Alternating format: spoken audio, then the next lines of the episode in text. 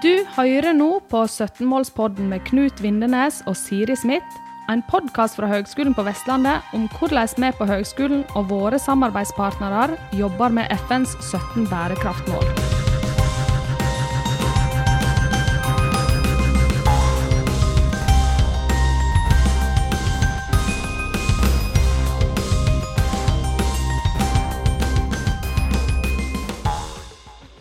Ja, nei, men Da eh, har vi med oss eh, Gisle Nondal her, på, her ved standen vår. Eh, først, fortell litt om deg eh, sjøl. Hvem er du, eller, hva gjør du for noe? Ja. Det var et godt spørsmål. Eh, nei, Jeg er egentlig utdannet klimaforsker, så jeg kommer fra eh, forskningssida, havforsuring. Og har funnet ut at vi må gjøre eh, mer ting bærekraftig, så nå har jeg tatt et steg over i industrien. Har vært i Aker Solutions, eh, og nå leder jeg en Katapult, testsenter for utvikling av ny teknologi.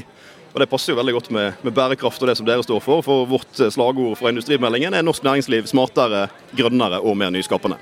Rett og slett. Ja. Siri, så tar du eh, spørsmålet vårt eh, i en eller annen, eh, et eller annet format? Det kan jeg gjøre. Ja, vi har jo hatt eh, gjester her hos oss. Og så em, Vårt liksom, oppdrag i Arendalsuka da, det er å utforske hva de ulike em, aktørene hva de tenker om forventninger til akademia når det gjelder bærekraftig utvikling. Og da kan du jo plukke opp tråden akkurat der det passer, men eh, nå har jo du introdusert deg som klimaforsker og eh, leder av Katapulten her, så ja, hva tenker du om forventninger til oss? Det som er viktig for, for meg som kommer på, fra industrisida og snakker mye med industri, er at den treffer på de som du sier, utfordringene industrien har. Og Først må jeg gi honnør for at jeg mener dere har truffet veldig godt. altså Nye energistudier, hydrogenteknologi, landbasert havbruk er jo ting som vi i vår katapult jobber veldig mye med. Så jeg føler dere er inne i de retningene allerede. Men uten en industri nær høyskole og forhåpentligvis fremtidig universitet, så havner vi i bakleksa. Vi trenger grunnforskning, absolutt, men vi trenger òg veldig mye industrinær forskning og ikke minst innovasjon og utvikling. Så Der føler jeg høyskolen, som også for øvrig en partner i Katapulten, har truffet veldig veldig godt. Og Vi, vi samarbeider, og vi liker òg selvfølgelig å få inn gode studenter som interns hos oss. Så det skal vi fortsette med. Nå er jo litt av eh, sånn Bakteppet er at klimarapporten fra FN kom for eh, vel en uke siden. og eh, alle har vel tatt inn over seg at vi må akselerere, vi må gjøre ting enda raskere. Hvordan, hvordan vil det slå inn i dette bildet her? Hvordan altså Akademia tenker jo for så vidt langsiktig i utgangspunktet. sant? Vi snur oss ikke rundt over natten, for vi skal ikke gjøre det. på en måte. Det skal være litt tregere dynamikk. på en måte. Men, men hva bør vi være raskere på enn vi er nå, kanskje? Nei, altså det, det, Som jeg sa, så er jo allerede endringen begynt i med disse nye kursene. Men eh, det er kanskje noe som er lettest å komme i gang med, er jo gjerne etter- og videreutdanning. At en kan begynne også, kanskje misforstå meg rett, men ta litt voksenopplæring på industrien òg. At de òg forstår sense of urgency, og der å få den eh, direkte fra selvfølgelig forskerne og fagkompetansen på høyskolen, men ikke minst studentene, som gjerne har en veldig klar oppfatning av dette.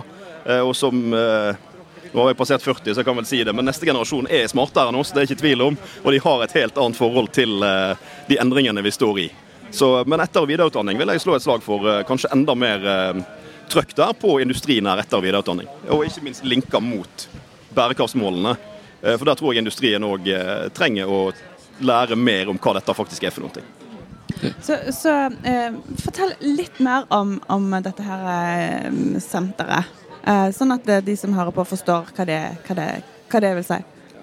Det heter Ocean Innovation Norsk Katapultsenter. Eh, Vi er en av fem katapulter i Norge, så vårt mandat er å skape økt verdiskaping i Norge gjennom industriell skalering. Så vi er egentlig en skaleringsplattform for teknologi, ny teknologi. Og den skal ha elementer av bærekraft, det skal alt vi driver med ha. Og for vår del så har vi gått tungt inn på bærekraftig sjømatproduksjon. Vi har investert sammen med næringslivet i et landbasert fiskeoppdrettslaboratorium. Vi driver med nye typer prototyping med hjelp av 3D-print. Helt annen måte å tenke design og materialbruk på. Eh, Og vi har òg lyst til å etablere en nasjonal testinfrastruktur for marine mineraler. Når det er sagt, så er det kontroversielt. For marine mineraler det finnes det mye av. eh, Men vi kan ikke bare begynne å hente ut dette før vi vet hvordan vi påvirker miljøet. Eh, Så det er viktig for oss å ta Der må vi ha forskningen med. Dette blir gjerne mer et forskningsprosjekt. Langsiktig miljøovervåking, vite nøyaktig hva vi holder på med. Og så må vi levere det til politikerne, som kan beslutte skal vi kjøre på dette eller skal vi ikke. Så per i dag så vil vi være med og bane vei for en ny industri. Eller være voksne nok til å si at vi skal faktisk ikke etablere den industrien.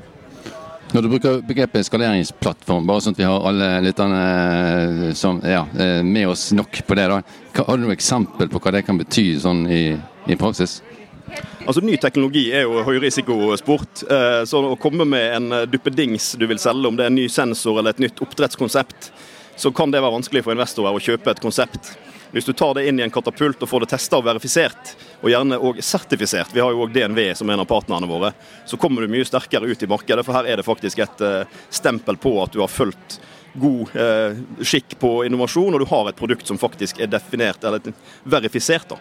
Så du har en mye sterkere posisjon inn i markedet med et testa og verifisert produkt. Så Det er hele, hele konseptet, at en skal komme med ideene sine gjør det feil fast. Altså skal, vi kan begynne så enkelt som enkelt 3D-print f.eks. i plast. Det koster veldig litt penger, men det gir deg en pekepinn på skal jeg i det hele tatt tenke å printe i titan. Da må du begynne på den riktige, riktige skalaen. Så det ja, Gå gjennom hele innovasjonsløpet og komme raskt fra idé til faktura. Men, men du, sa, ja, ja. Du, du, nevnte oppdrettsindustrien. Um, ja, hvordan skal den bli mer bærekraftig? Vi har, eh, Det er to ting vi, egentlig tre ting vi ser på. Det ene er jo dette med, med landbasert oppdrett. og Det går jo på å ha kontroll på, på fiskehelsa. altså Du har mindre sykdom, mindre lakseluspåtrykk og de tingene. Det er den ene sida. Men den som kanskje er enda større, er jo dette med fôr. Eh, Norge importerer 95% av fôret til havbruksindustrien. Det inneholder bl.a. soya og andre ting som vi helst vil komme oss vekk ifra så fort som mulig. Eh, hvis vi skal sette bærekraftig økonomi på det i tillegg, så det, importerer vi for ca. 22 milliarder i året. Det bør vi kunne eh, produsere i Norge. Og mette vår egen havbruksindustri, men ikke minst òg eh, eksportere dette fôret. Da kommer vi inn på biologi, vi kommer inn på tang og tare, mikro- og makroalger, fluer. Det er ting som vi kan produsere i Norge på en bærekraftig måte og sørge for at fisken får det han trenger, uten at vi skal hente soya fra Brasil eller hvor vi måtte få det ifra. Så den fôrkoden Klarer ikke vi å knekke den, så kan vi bare glemme en femdobling i havbruksindustrien. Det, det får vi ikke til. så her snakker vi altså for mer av verdikjeden i Norge, for mer eh, arbeidsplasser, enda mer bærekraft i det, egentlig. Ja. Mm. Ja, spennende. Nå er vi inne på masse, masse gøy her. Eh, men eh, hvor, hvor, ligger engasjementet for deg personlig, egentlig? Nei, altså det er jo det, En har jo verdens beste jobb, er jo flåsete sagt, men jeg har faktisk det. For en får lov å hjelpe de som er de mest framoverlente i skoa. Og Det er gründerne, det er akademia og det er de som driver fram ny innovasjon og ny forskning. De tar høy risiko, og det har vi muligheten til å avlaste gjennom at vi kan investere i de testfasilitetene de trenger. Vi er en non-profit-organisasjon, så vi skal ikke drive noe utbyttemaskinerier. Det er kun for å hjelpe norsk industri å skape nye arbeidsplasser og ny verdiskaping i Norge.